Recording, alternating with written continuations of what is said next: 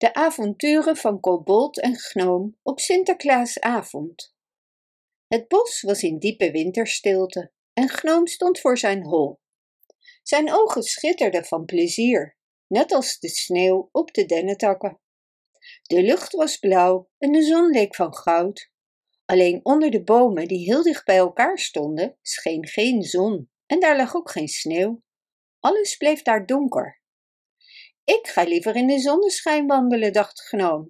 Maar ik moet nog langs Kobold. Hij woont onder de donkere bomen. Hij ging het bos in en liep een uur. Hij had korte beentjes en hij had een dikke jas aan. En hij kon daardoor niet snel lopen. Kobold had zijn holletje net dichtgestopt met mos. Dus Gnoom kon niet zomaar naar binnen.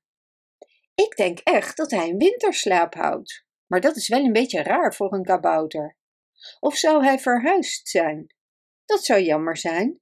Ik haal het mos toch maar weg en ga eens kijken, zei Gnoom tegen zichzelf.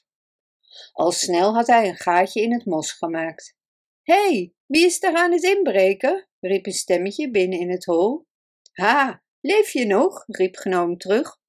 Man, wat heb jij je goed verstopt? Kom voor de dag, kameraad. Ik heb je wat te vertellen. Kobold pruttelde nog wat, maar kwam eindelijk toch tevoorschijn. Brrr, wat is het koud, zei hij klappertandend. Ik begrijp niet wat je hier doet. Koud, zei Gnoom. Ben je dwaas? Het is heerlijk weer. Ja, jij hebt een dikke jas aan, bromde Kobold, en wollen wanten. Nee hoor, zei Gnoom. Ik heb hard gelopen en dan krijg je het warm. Zou jij ook moeten doen. Het lijkt wel of het gesneeuwd heeft, zei Kobold. Zeker een dik pak. Kom in april maar terug. Ik ga weer naar binnen hoor. April, riep Gnoom. Het is nu pas begin december. Komt niets van in. Trek gewoon je dikke jas aan en ga mee. We gaan naar mijn hol. Daar schijnt de zon. Schijnt de zon? En wat gaan we dan in je hol doen? vroeg Kobold, toch wel nieuwsgierig. Ik heb daar iets moois voor het boswachterskind, zei Gnoom met een lachend gezicht. Wat zeg je? riep Kobold voor boswachterskind en dat zeg je nu pas? Vooruit, gauw, ik kom mee. Kalm aan hoor, lachte gnoom. We hebben tijd genoeg, al is het niet tot april.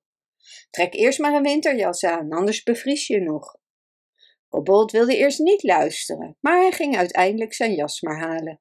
En onderweg begon hij hoe langer hoe sneller te lopen, zodat Gnoom uitriep: Ik kan niet meer, Kobold. Jij loopt al zo hard als een muis.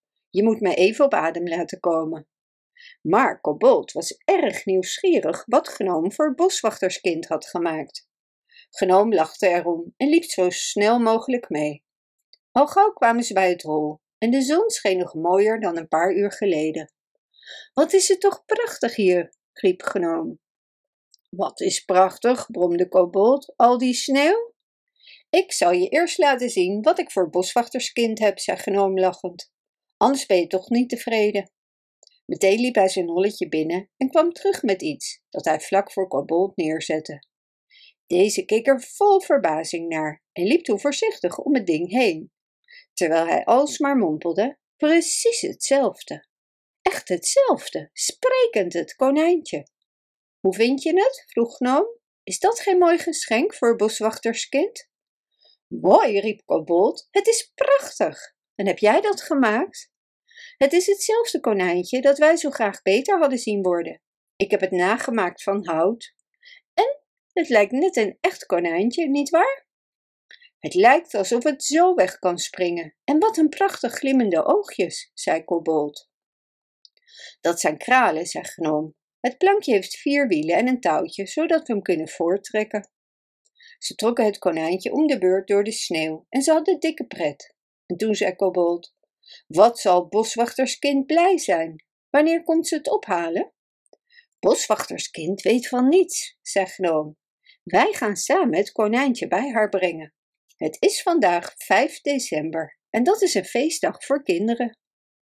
Ja, de mensen noemen dat Sinterklaasavond, zei Kobold. Dan zetten de kinderen hun schoen bij de schoorsteen en de volgende dag zit er dan iets lekkers en iets moois in. Precies, zei Gnoom.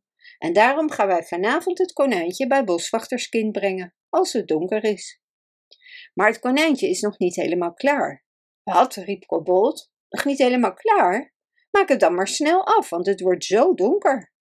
De rest van het werk moet jij maar doen, zei Gnoom ernstig. Ik, zei Kobold, ik kan geen konijntjes maken zoals jij. Ik ben niet zo knap. Jij niet knap, riep Gnoom nu.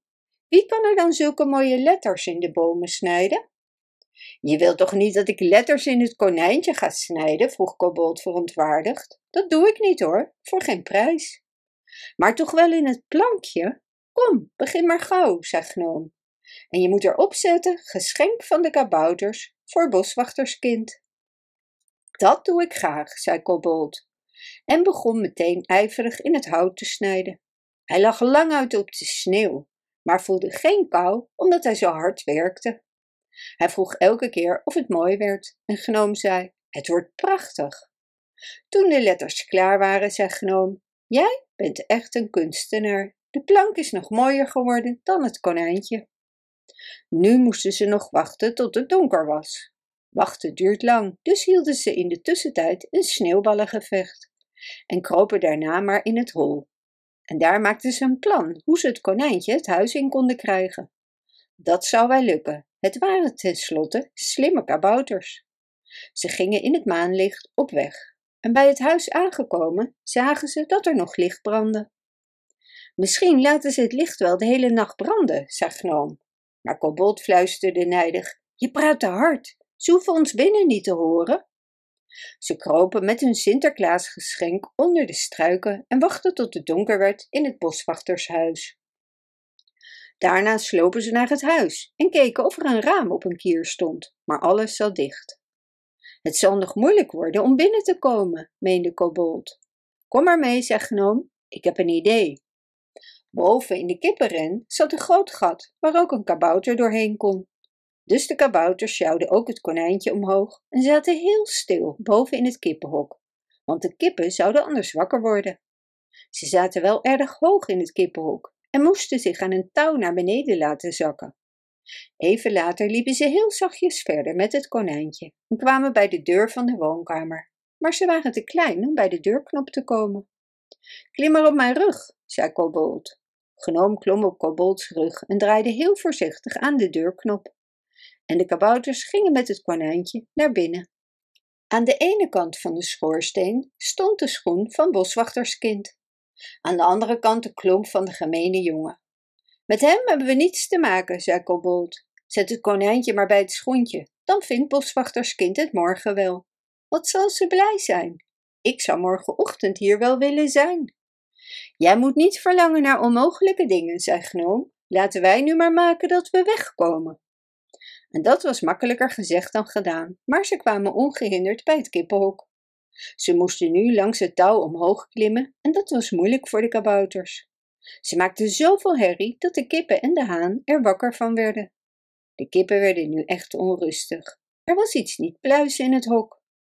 De kabouters renden zo snel mogelijk weg, maar de haan sprong met veel gefladder van de stok en alle kippen kakelden en fladderden in het rond. De kabouters gingen door het gat naar buiten, terwijl de haan en de kippen achter hen aanrenden. En in het huis hoorden ze het gestommel van mensen die hun bed uitsprongen. Ze renden zo hard ze konden en kwamen hijgend bij het hol. Pff, dat was hard rennen, zei Gnoom toen ze binnen waren. Dat was me wel een avontuur. Het was jouw schuld, zei Kobold. Jij maakte te veel herrie. Bedankt voor het luisteren. Wist je dat je dit verhaal ook op onze website ririro.com/nl kunt lezen, downloaden en printen?